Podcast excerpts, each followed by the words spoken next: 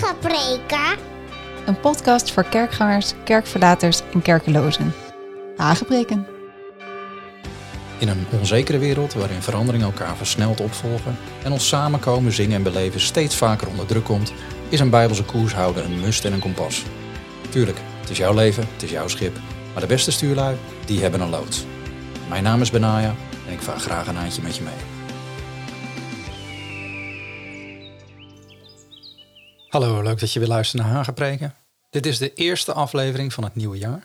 En voor de mensen die net aanhaken, ik zit midden in een verhuizing van de ene kant naar de andere kant van het land. Dus als de komende maanden een beetje onregelmatig zijn, dan snap je dat wat betreft Hagepreken. Maar ik doe mijn best om tussen de bedrijven en alle geregeld door te blijven voorzien in uh, de nodige geestelijke input. Waar zoveel van jullie op zitten te wachten en soms mij ook om hebben gevraagd.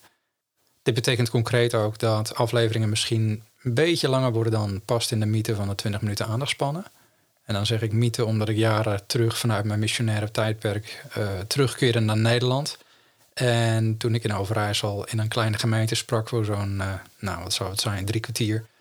Toen uh, had ik na afloop van de preek even een moment met de koffie buiten bij de jongeren van de groep. En kreeg ik te horen dat de gemiddelde aandachtspannen van de mens 20 minuten zou zijn. Dit is wetenschappelijk bewezen, werd er dan ook nog wijsneuzerig aan toegevoegd.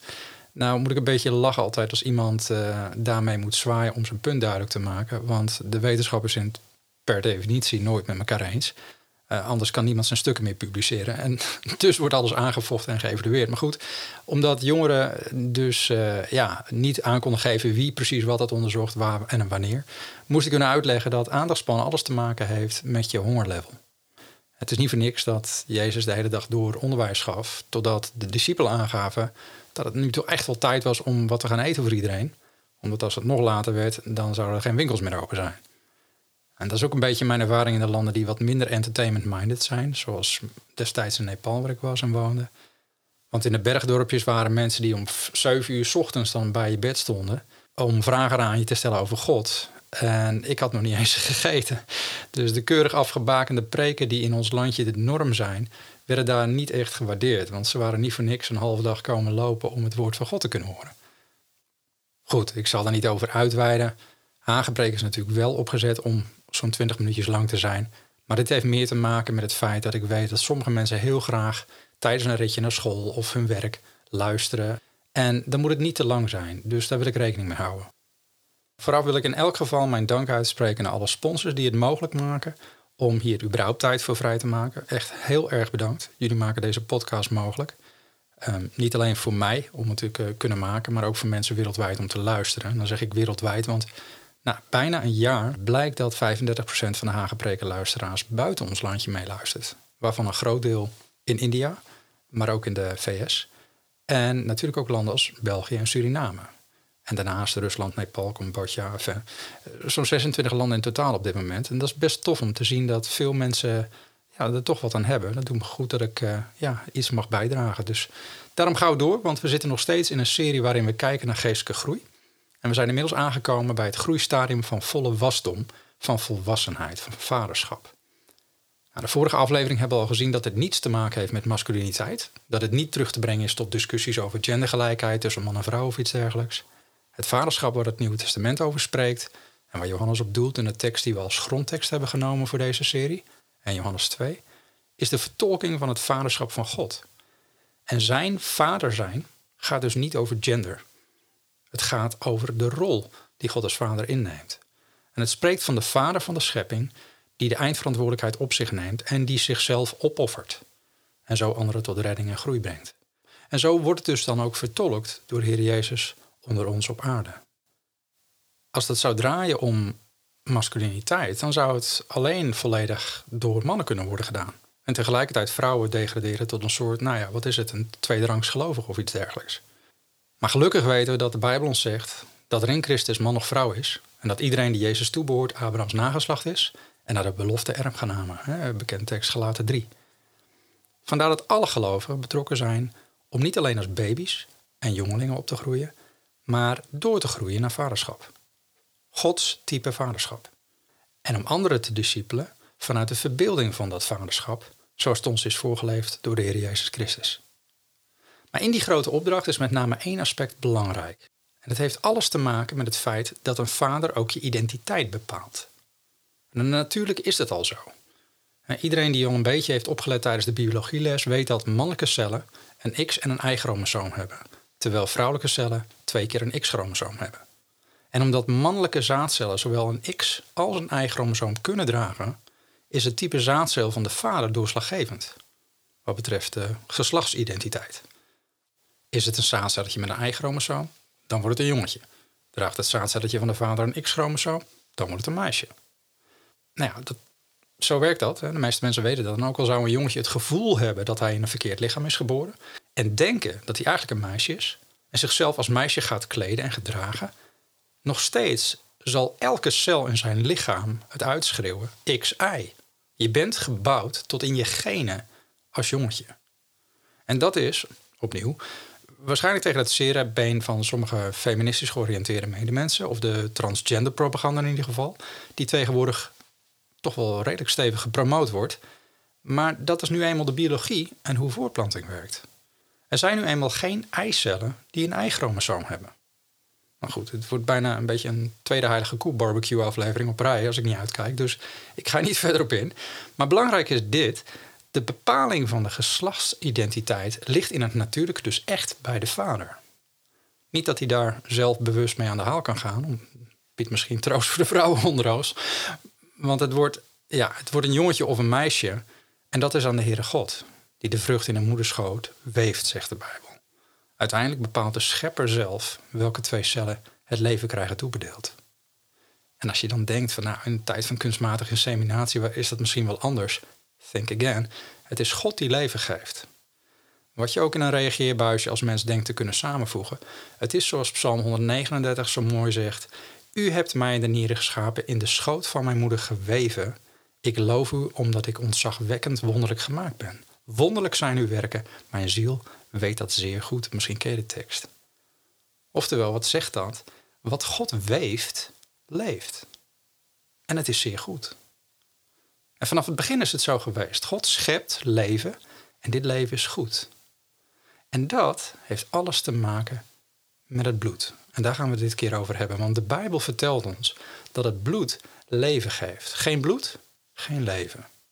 Dat is natuurlijk ook zo met lucht. Hè? Als je niet kan ademen, dan stik je. Maar ook lucht geeft zuurstof die nodig is voor het bloed om leven te geven aan het lichaam. En die twee, adem en bloed, zijn dan ook onlosmakelijk met elkaar verbonden. Daar zullen we zo meteen verder op ingaan. Maar de Bijbel stelt heel duidelijk, in Leviticus 17, vers 11 staat er: Het leven van het vlees is in het bloed. Alles wat leeft, en dus een identiteit heeft, heeft bloed. En het leven is in het bloed, zegt de Bijbel. Vandaar dat we dit keer even stilstaan bij een cruciale tekst. En dat wil ik voorlezen uit Hebreeën 13, vers 20 en 21. Daar staat: De God nu van de vrede, die de grote herder van de schapen, onze Heer Jezus Christus, uit de doden heeft teruggebracht, op grond van het bloed van het eeuwige verbond, mogen u toerusten tot elk goed werk om zijn wil te doen. En in u te werken wat in zijn ogen welbehagelijk is, door Jezus Christus. Hem zij de heerlijkheid in alle eeuwigheid. Amen. Dat is een prachtige tekst. Wij worden toegerust voor elk goed werk. Waarom? Om zijn wil te doen. Om dingen in ons te bewerken door Jezus Christus. Maar het is op grond van het bloed. En niet zomaar bloed, maar bloed van het eeuwige verbond staat er. Bloed wat het mogelijk maakt om iets in ons te werken, om iets door ons te werken. Iets waar Openbaring 12 van spreekt als het zegt in vers 10: Ik hoorde een luide stem in de hemel zeggen: Nu is gekomen de zaligheid, de kracht en het koninkrijk van onze God en de macht van zijn Christus. Want de aanklager van onze broeders, die hen dag en nacht aanklaagde voor onze God, is neergeworpen. En zij hebben hem overwonnen door het bloed van het lam en door het woord van hun getuigenis. En zij hebben hun leven niet lief gehad tot in de dood. er is wat angst voor de dood vandaag de dag. Al twee jaar lang wordt de hele wereld in de greep gehouden van angst. En de reden is dat wij heel erg hangen aan dit leven. Niemand wil dood. Dat is natuurlijk logisch. Niemand wil dood. Maar de Bijbel spreekt over een volk van God. Over onze broeders die de aanklager hebben overwonnen door het bloed van het lam. Door waar zij van getuigen. En omdat ze hun leven juist niet wensten te behouden. Wauw. Dat spreekt van geloof. Dat is ook bijzonder, hè? dat we worden aangeduid als gelovigen. Dat vind ik zelf altijd een hele mooie term. Dan moet ik wel zeggen dat ik de afgelopen jaren veel medebroers en zussen heb gezien die eerder als de angstigen te boek stonden dan de gelovigen. angst voor COVID, angst voor de zeespiegel, angst voor het klimaat, angst voor islam, angst voor financiële rampspoed en werkloosheid. Nou, wat heb je allemaal? Angst, angst, angst, angst, angst. Maar het is goed om te beseffen dat geloof en angst lijnrecht tegenover elkaar staan. En dan hebben we het over groeistadia. En dan zie je ook al heel vroeg dat die twee, angst en geloof, of de Bijbel zegt geloof en vertrouwen, Ehm, dat is het Griekse woordje pistis, is hetzelfde. Dat je dat ook in een kinderleven al heel snel zichtbaar ziet worden. En geloof en angst zijn alleen niet zozeer twee kanten van dezelfde medaille. Het zijn twee hele verschillende realiteiten die niet in hetzelfde hart kunnen wonen tegelijkertijd. Beide kunnen heel sterk zijn en enorm veel in werking zetten in ons leven, maar ze, ze zitten niet bij elkaar, ze kunnen niet samen leven. Vorige keer had ik het over Jozua, die chockvol met cortisol aan de andere kant van de Jordaan stond. En ten overvloede door Mozes, door de stamhoofden van Israël en zelfs God zelf werd aangemoedigd om sterk te zijn. En vooral toch ook bijzonder moedig. Hij had nogal een angstwekkend beeld waarschijnlijk op zijn netvlies, namelijk een miljoenen volk binnenbrengen in een land vol met reuzen. Hij was er al geweest. En angst leek hem te blokkeren, vandaar al die pep talk. En dat was hem waarschijnlijk van het gezicht af te lezen. Angst is vaak een beetje onbegrepen, want angst is namelijk niet hetzelfde als ergens over inzitten. Ik kan namelijk ergens over inzitten zonder dat ik bang ben. Sterker nog, het kan zelfs zo zijn dat ik um, nou, iets waar ik over in zit, met dat ik erover nadenk, dat dit geloof in mij wakker kan maken. Zo van, terwijl ik erover nadenk, wordt het duidelijk dat ik hier geloof voor nodig heb. En dus dat geloof geactiveerd moet worden. Want het is iets waar ik over in zit. Niet dat ik er bang voor ben, maar ik zit ermee, snap je? Met dat wij hier bijvoorbeeld stuk liepen in onze huidige woonplaats, werd mij duidelijk dat we hier geen hulp krijgen voor mijn invalide vrouw en vier kids. En dat zette mij weer klem als vader, omdat je niet kan werken als je het hele gezin moet helpen, 24 uur 7.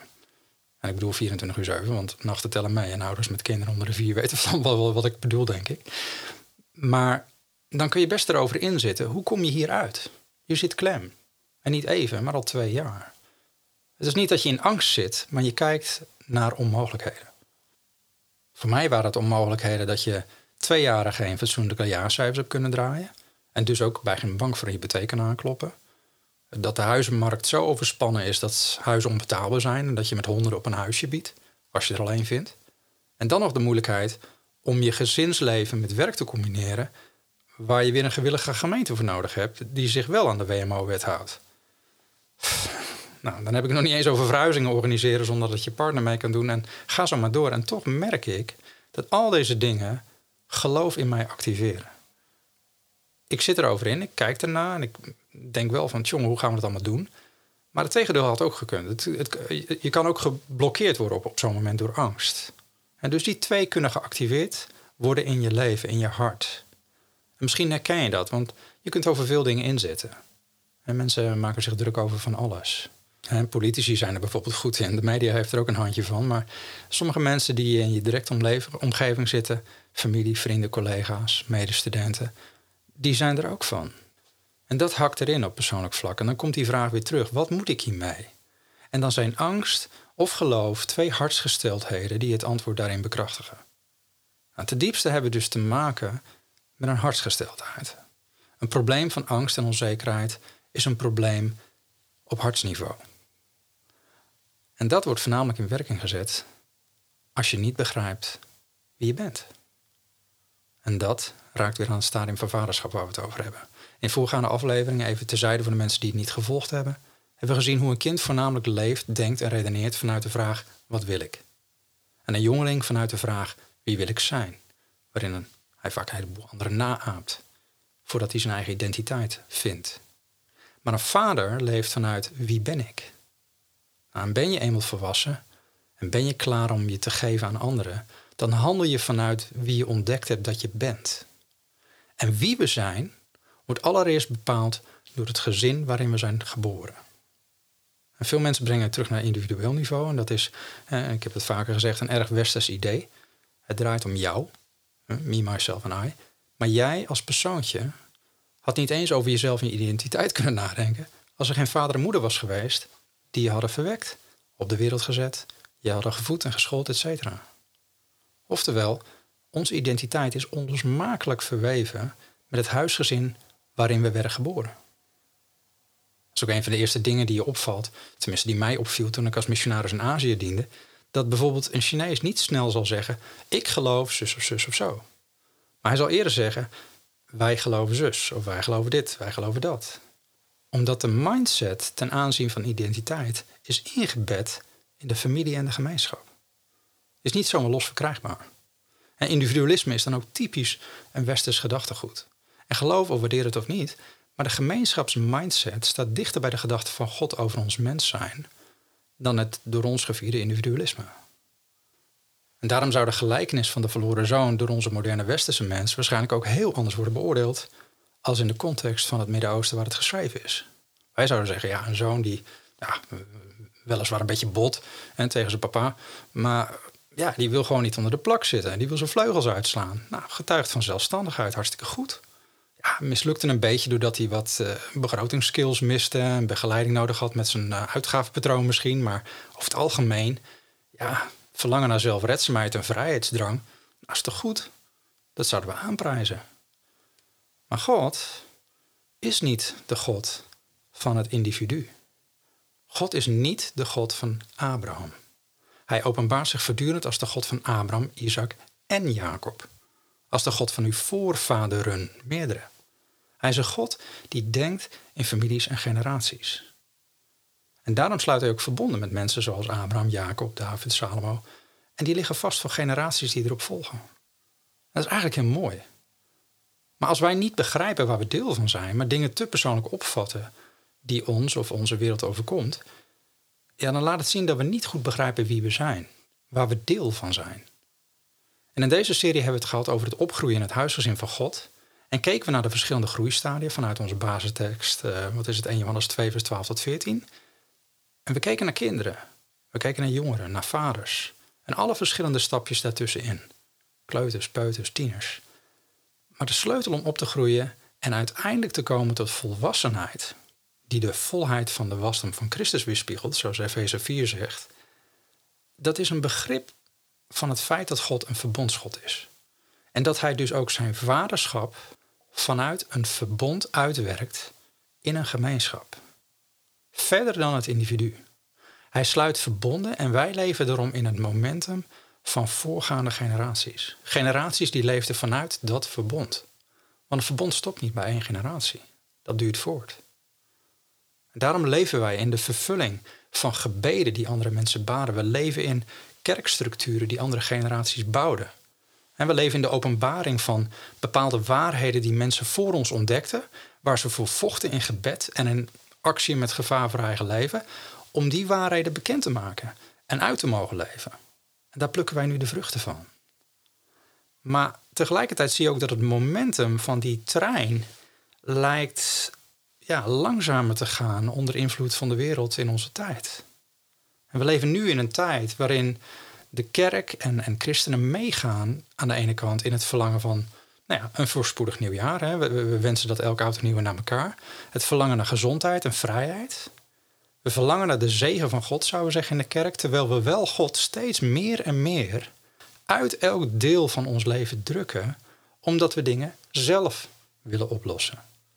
Met menselijke middelen, met menselijke hulpstukken, met alle brokken van dien. Maar ik geloof, we gaan een tijd tegemoet en ik bid dat ik na onze verhuizing tijd zal hebben om hier meer over te schrijven ook. Een tijd waarin heel veel lijden en vervolging aan de horizon ligt. En men schrijft dat nu nog af als doemdenken en misschien wel als complotdenken, om er even een populaire stigma te noemen. Maar ik heb het niet over corona. Ik verwijs naar wat onze Heer Jezus zei over het einde van onze tijd. Over de baresweeën die over de wereld zullen komen voordat de zoon weer voet op aarde zet. Er wacht onze generatie een enorm turbulente tijd. En daarom is het belangrijk dat we begrijpen dat onze zekerheid, onze rust, onze vrede, die alle verstand te boven gaat, dat dat ligt in het verbond met onze hemelse Vader. Want hij sloot verbonden met Adam, met Noach, met Abraham, met David. En nu lezen we in een stukje van Hebreeën 13, vers 20 over een eeuwig verbond. Het bijzondere is dat, ook al is dat het laatste verbond wat de Bijbel noemt, dit is het eerste verbond wat werd gemaakt. God begint namelijk altijd waar hij eindigt. En omdat hij begint met het einde in gedachten, is hij de alfa en de omega. Hij staat aan het begin en hij staat aan het einde. En hij is zelf niet onderworpen aan de factor tijd, want hij houdt onze tijden in zijn hand, zegt Psalm 31 zo mooi. En daarom was het laatste verbond, het eeuwige verbond, het eerste in de gedachten van God. En moest hij dus uitrollen terug door de tijd naar het begin. Want het was er al voordat er ook maar iets gebeurde, want daarom wordt het het eeuwige verbond genoemd. En dit komt ook omdat elke gedachte van God al deel is van zijn wezen als ik ben. Alles is in het nu voor God. Hij is in de tegenwoordige tijd de schepper die boven de tijd staat. Hij houdt het in zijn hand. God had dus niet de kruisiging van Christus in gedachten als een soort plan B, als een soort eh, secundaire consequentie. Nee, het lam werd geslacht van de grondlegging van de wereld, zegt Openbaringen 13, vers 8.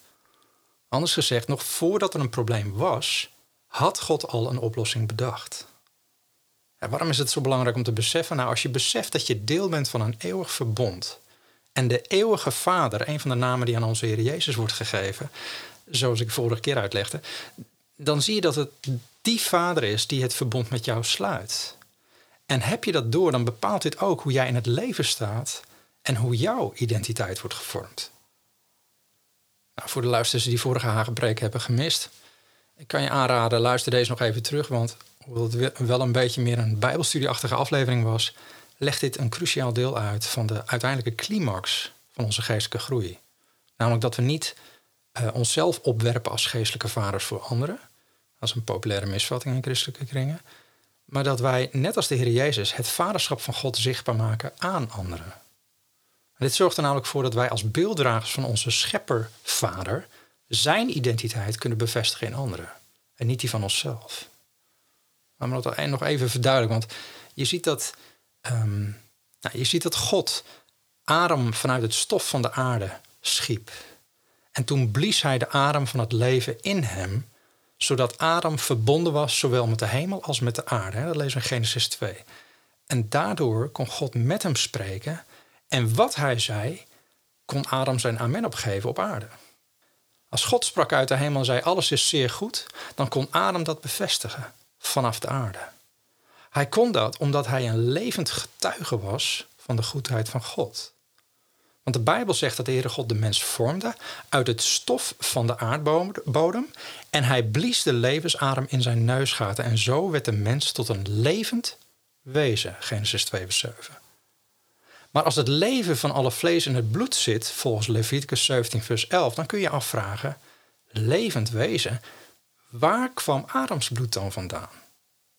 Ik bedoel, als God geest is en Adam was vlees, waar kwam Adams bloed dan vandaan? Hij had geen ouders, geen vader, geen moeder. En als het leven van het vlees in het bloed is, waar komt dan het leven van het bloed vandaan? Boeiend. Toen God zijn adem in Adams neusgaten blies, blies hij vanuit zijn wezen in een aards lichaam. En de geest van de levende God, de ik ben, die alles van tevoren bedacht heeft voordat het werd uitgerold, blies in Adam. En dan zegt Paulus in Romeinen 8, vers 11: Als de geest van hem, die Jezus uit de doden opgewekt heeft, in u woont, zal hij die Christus uit de doden heeft opgewekt, ook uw sterfelijke lichamen levend maken door zijn geest die in u woont. Waarom? Omdat de geest levend maakt. 2 Korinthe 3. Dat spreekt trouwens ook over een nieuwe verbond, het eeuwige verbond. Dus toen Adam opstond, stond hij niet alleen op met een hemoglobine in zijn lichaam, maar hij stond ook op met de adem van God in zijn bloed. Daarom, als Adam sprak, reageerde de wereld om hem heen alsof God zelf sprak. Vandaar dat God hem ook als beelddrager de opdracht kon geven om over de schepping te heersen. Heersen zoals hij dat zelf zou doen. Want ook al was Adam niet het sterkste schepsel, of het snelste schepsel, of het grootste schepsel, hij was niet benauwd of geïntimideerd door iets, omdat de wereld om hem heen reageerde op Adam, omdat de adem van God, de stem die alles in het leven had gesproken, door zijn aderen vloeide. En als we vanaf dat punt zien dat Adam in zonde valt, is het niet zo dat hij geen bloed meer heeft. Hij verliest zijn bloedtype niet, zijn hemoglobine niet. Hij verliest de adem, het geluid van Gods stem in zijn bloed. Dus in het doodgaan begint hij dood te gaan terwijl zijn lichaam nog steeds bloed rondpompt, maar de adem van God, de stem van de schepper, is verdwenen in hem. En nu brengt Adam dus nageslacht voort naar zijn eigen soort. Vandaar dat toen Adams zoon Kain zijn broer Abel doodslaat, het bloed uit Abels lichaam stroomt. En dat God dan zegt: De stem van het bloed van uw broer roept van de aardbodem tot mij. Genesis 4. Wij zijn dwaas om te denken dat we als mens elkaar om zeep kunnen brengen zonder dat God het hoort. Laat ik het iets strakker, strakker stellen misschien. We zijn dwaas om te denken dat we de levens van ongeboren kinderen kunnen doden en denken dat God het niet hoort. We kunnen niet zomaar mensen doden en denken dat God niets hoort. Ons bloed spreekt. Er is een stem van het bloed van je broer staat er die uitroept tot God. Maar God heeft dus al een plan bedacht. Terwijl hij al zijn verbonden met sluit met Noach, met Abraham enzovoort, heeft hij een eeuwig verbond in gedachten. En net zoals de geest van God over de wateren broedt en zweeft in het begin over de wateren, overschaduwt diezelfde geest van God een meisje genaamd Maria. En dan vormt zich, en we hebben dat, met kerst hebben we dat gevierd, dan vormt zich een kind binnen in dit meisje. Maar dit kind kan niet Jozefs bloed hebben, omdat Jozef, Jozef heeft Adams bloed. En het kan ook niet Maria's bloed hebben, want Maria heeft het bloed van haar familie. Maar God blaast opnieuw in, binnen in Maria, waarop er iemand voet op de wereld zet, die voor het eerst sinds Adam weer een stem heeft in zijn bloed. En daarom is het ook niet toevallig dat Johannes zegt: In het begin was het woord, en het woord was bij God, en het woord was God. En dit was in het begin bij God. En alle dingen zijn door het woord gemaakt. En zonder dit woord is er geen ding gemaakt dat gemaakt is. In het woord was het leven. Vers 14 staat: En het woord is vlees geworden en heeft onder ons gewoond. En wij hebben zijn heerlijkheid gezien. Een heerlijkheid als van de enige geboren zoon van de Vader. Vol van genade en waarheid. Nou ja, lees het zelf maar eens na. Maar God pakte zijn gedachten, zijn adem, zijn woord, zijn plannen en weefde het samen, deed er fel omheen en Jezus werd geboren. En daarom wordt Jezus ook niet de tweede adem genoemd, maar de laatste adem, 1 Korinthe 15. En die laatste adem komt om ongedaan te maken wat de eerste adem had moeten doen. En net als de eerste adem op aarde wandelde met God in de hof, in de tuin, in de koelte van de dag, zo wandelde Jezus op aarde in de tuin in de koelte van de dag.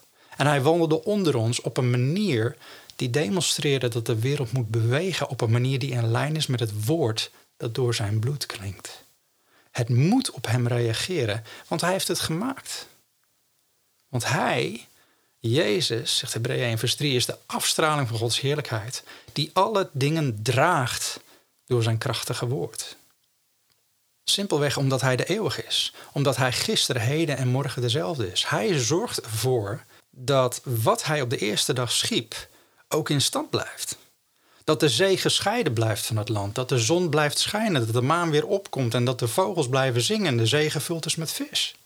Hij blijft alles dragen en in stand houden door zijn krachtige woord. Om ervoor te zorgen dat dwars door de eeuwen heen het land niet weer een zee wordt. En dat vogels niet in vissen veranderen of apen in mensen en dat soort gekkigheid. Want mensen denken dat, er, dat er allemaal kan gaan gebeuren. Nee, hij draagt alles en houdt het in perfecte balans. Precies zoals hij door het woord heeft gesproken en het heeft geschapen en niet anders. Die dingen blijven zo, die draagt hij, die houdt hij in stand. Dat verandert niet. En daarom moet je ook niet denken dat wanneer Jezus als laatste adem zijn voet op aarde zet, en op een gegeven moment het water oploopt, dat het water hem draagt. Het water reageert simpelweg op hem omdat hij de hele schepping draagt. Het water moet nog steeds gehoorzaam zijn aan datzelfde woord dat hij in het begin sprak. En als hij spreekt tot een boom dat hij moet verdorren, dan verdort hij onmiddellijk. Zou hij spreken tot een berg om zich op te heffen en in de zee te werpen, dan moet die berg wijken. Want de wereld om hem heen reageren op zijn stem. Er vloeide ander bloed door zijn aderen. Bloed met een andere stem. En dat bloed vormt de basis van het eeuwige verbond waar Hebreeën 13 over spreekt, waar we aan het begin lazen. Dat bloed spreekt met een luidere stem als het bloed van Abel, zegt de Bijbel. En dat bloed spreekt van degene die wij eeuwige vader vredevorst mogen noemen. Wat we hebben gezongen met de kerst. En waarom? Omdat dat bloed vloeide van Gethsemane tot Golgotha, waar de Heer Jezus werd gekruisigd. En in het vloeien van dat bloed werd onze identiteit verzegeld in een nieuw verbond, in een eeuwig verbond. En het bloed wat vloeide was overvloedig, overvloedig veel en vaak. Als je het verhaal kent, en met Pasen lezen we dat altijd, het is een spoor van bloed wat de Heer Jezus achterliet van Gethsemane tot Golgotha. Allereerst toen hij in doodstrijd zat in Gethsemane aan het bidden was, dan staat er dat hij bloed zweette. En toen hij vandaar naar de hoge priester Caiaphas werd geleid, rukten ze zijn baard uit en, en staat ze sloegen hem tot hij niet langer herkenbaar was. En van zijn gezicht vloeide bloed. Vandaar werd hij geleid naar het pretorium, waar soldaten hem afranselden en hem dusdanig toetakelden dat de gapende wonden en striemen van zijn rug bloed vloeiden. En opnieuw op weg naar Golgotha maakte iemand als een soort ja, morbide grap een krans van doorntakken en drukte die op zijn hoofd en de stekels drukten door zijn huid heen en vanaf zijn schedel vloeide bloed. En eenmaal bij het kruis spijkerden ze hem. Je kent het verhaal waarschijnlijk. Ze spijkerden pinnen door zijn polsgewrichten en uit zijn handen vloeide bloed. Ze spijkerden door zijn voeten en uit zijn voeten komt bloed.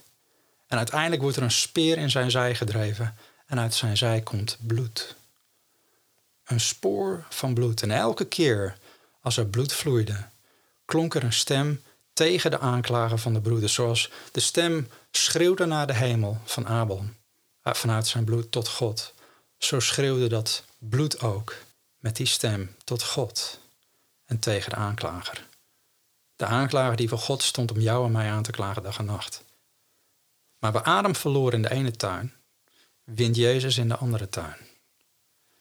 In Adams tuin koos Adam ervoor om zijn eigen wil te doen. Maar in Gethsemane zei Jezus niet mijn wil, maar uw wil geschieden. Hij offerde zijn eigen wil op voor de wil van de Vader. En op die manier bracht zijn bloed genezing voor mijn wil. Hij gaf daarmee mij een wil die mijn eigen willen overstijgt. Hij werd degene die zowel het willen als het werk in mij bewerkt naar zijn welbehagen, zegt Filippenzen 2, vers 13. Hè? Misschien ken je die tekst. Niemand dwingt mij om dingen te doen die God behagen, maar nu wil ik het ineens zelf. Ik kan het niet verklaren, maar ik wil het gewoon. Dat is geen wetje wat ik moet houden. Ik wil het, ten diepste wil ik het. En toen Jezus geslagen werd op zo'n manier, en Jezaja 52 vers 14 zegt dat zo mooi, hij werd geschonden in zijn gezicht. Geschonden was zijn gezicht meer dan van iemand anders en zijn gestalte meer dan van mensenkinderen. Uh, het Hebreeuws zegt hier heel nadrukkelijk afzichtelijke verminking. Hij stond toe dat zijn gezicht, datgene wat bepalend is voor herkenning onder elkaar, dat het onherkenbaar verminkt werd, zodat mijn zelfbeeld kon worden hersteld. Veel problemen die mensen hebben in deze wereld komen voort uit het feit dat ze een verkeerd zelfbeeld hebben. Als ze zichzelf in de spiegel bekijken, hebben ze een verkeerd beeld van zichzelf. Maar Jezus stond toe dat ze zijn afspiegeling, zijn gezicht tot pulp sloegen, zodat je dit bloed jouw zelfbeeld kon genezen. Zodat jij, als je nu in de spiegel kijkt, kan zeggen: Ik loof u, omdat ik onzagwekkend wonderlijk gemaakt ben. Ik ben in het juiste lichaam, ik ben de juiste gender, ik ben de juiste huidskleur, ik ben precies wie God gemaakt heeft. En hoe ik eruit zie is goed. En toen Jezus gegezeld werd, je kent het schriftgedeelte dat Jezaja 53 vers 5 waarschijnlijk er staat. Hij is om onze overtredingen verwond, om onze ongerechtigheden verbrijzeld. De straf die ons de vrede aanbrengt was op hem. En door zijn striemen is er voor ons genezing gekomen. Door zijn bloed werd het mogelijk om genezing en bevrijding te ontvangen in ons lichaam. En hoe moeilijk dit ook is te vatten soms en, hoe lang soms ook de weg naar genezing lijkt te zijn. Ik spreek uit ervaring ben ik blij dat ik toch kan zeggen: Mijn God is nog steeds bij machten om mijn sterfelijk lichaam op te wekken, te herstellen en te genezen. En ik heb misschien niet een 100% geloof altijd gehad om dit mee te maken, maar ik heb op gezette tijden een bovennatuurlijk ingrijpen gezien in mijn lichaam en dat van mijn vrouw. En ik heb daar in het vorige seizoen ook veel over gesproken, dus dat kun je nog wel terugluisteren. Maar het geeft je ook moed om door te gaan, een hoop te houden en te blijven geloven. We parkeren niet bij wat menselijk mogelijk is. We dienen een God die gebloed heeft om voor ons genezing mogelijk te maken. Zijn bloed spreekt nog steeds. Het bloed spreekt van herstel, ook fysiek. En wat je ook meegemaakt hebt, hoe je fysiek ook bent toegetakeld, we dienen nog steeds een bovennatuurlijke, scheppende Heer. En ik zeg het niet lichtvaardig. Voor degenen die deze podcast al een tijdje volgen, die weten dit. Maar zo zit het. Maar er is meer, want op weg naar Golgotha hebben ze een doorne kroon op zijn hoofd gedrukt. En dat sprak van de vloek die over de aarde kwam. Als gevolg van de zonde van de eerste adem, waardoor de doorns en distels werden voortgebracht op aarde, zegt God. Dat was een van de vloeken die werden uitgesproken over de aarde. En met dat de doornen dwars door de huid tot op zijn schedel drukte, vloeide er bloed en bracht hij genezing voor mijn denken. En daardoor hoef ik mij niet langer zorgen te maken. Ik hoef niet depressief te worden of toe te geven aan neerslachtigheid. Ik hoef niet in verwarring te leven, want mijn denken ontvangt genezing door het bloed van de Heer Jezus. Het bloed dat spreekt dat zijn gedachten hoger zijn dan mijn gedachten. Gedachten van vrede en niet van kwaad, van hoop en van een toekomst. En als de Heer dan uiteindelijk aan het kruis gespijkerd wordt en de pinnen door zijn handen worden geboord, dan vloeit het bloed en brengt hij genezing voor het werk van onze handen. En nu kan ik doen wat mijn hand vindt te doen en daarin slagen. Nu zijn mijn handen niet meer voor geweld, voor oorlog, maar om ze op te heffen in aanbidding en om te klappen, om uit te strekken en zieken de handen op te leggen om te bemoedigen. Het bloed dat vloeide bepaalt hoe ik kijk naar mijn mogelijkheden. Op die manier raakt het ook identiteit. En de pinnen door zijn voeten spreekt van het feit dat zijn bloed mijn wandel heeft genezen.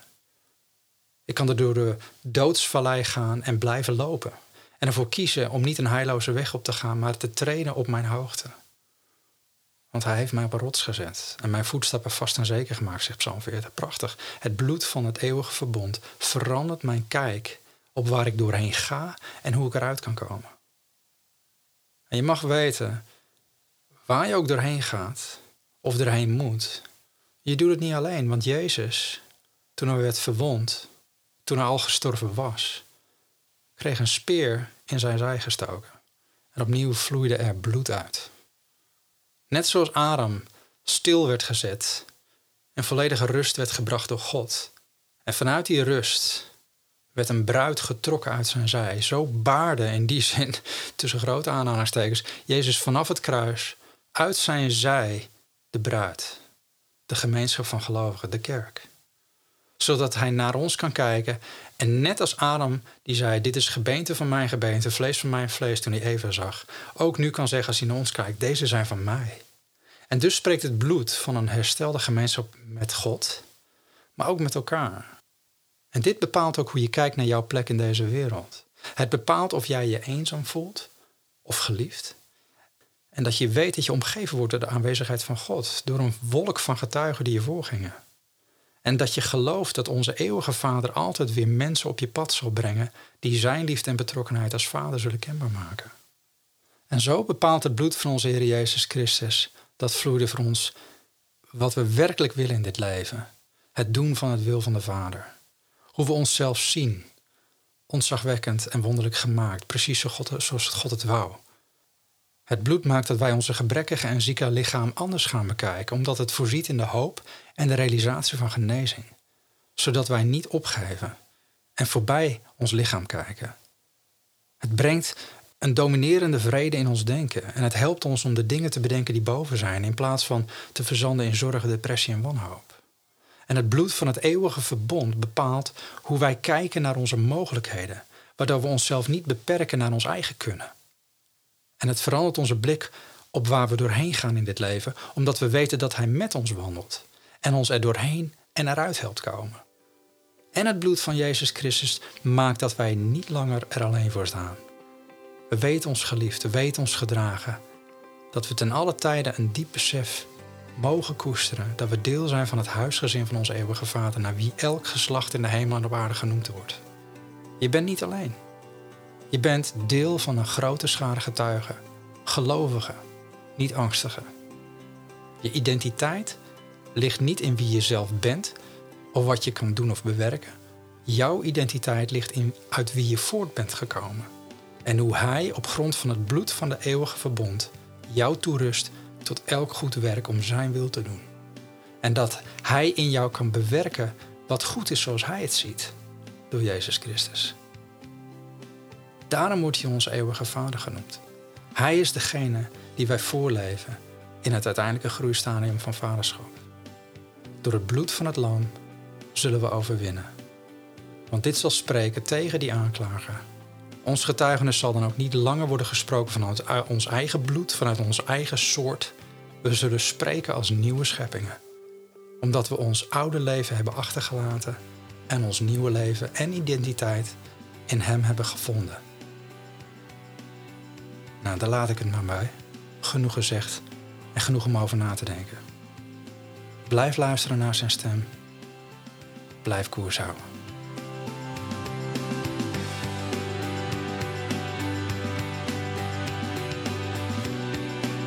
Heb je vragen, aanvullingen of opmerkingen?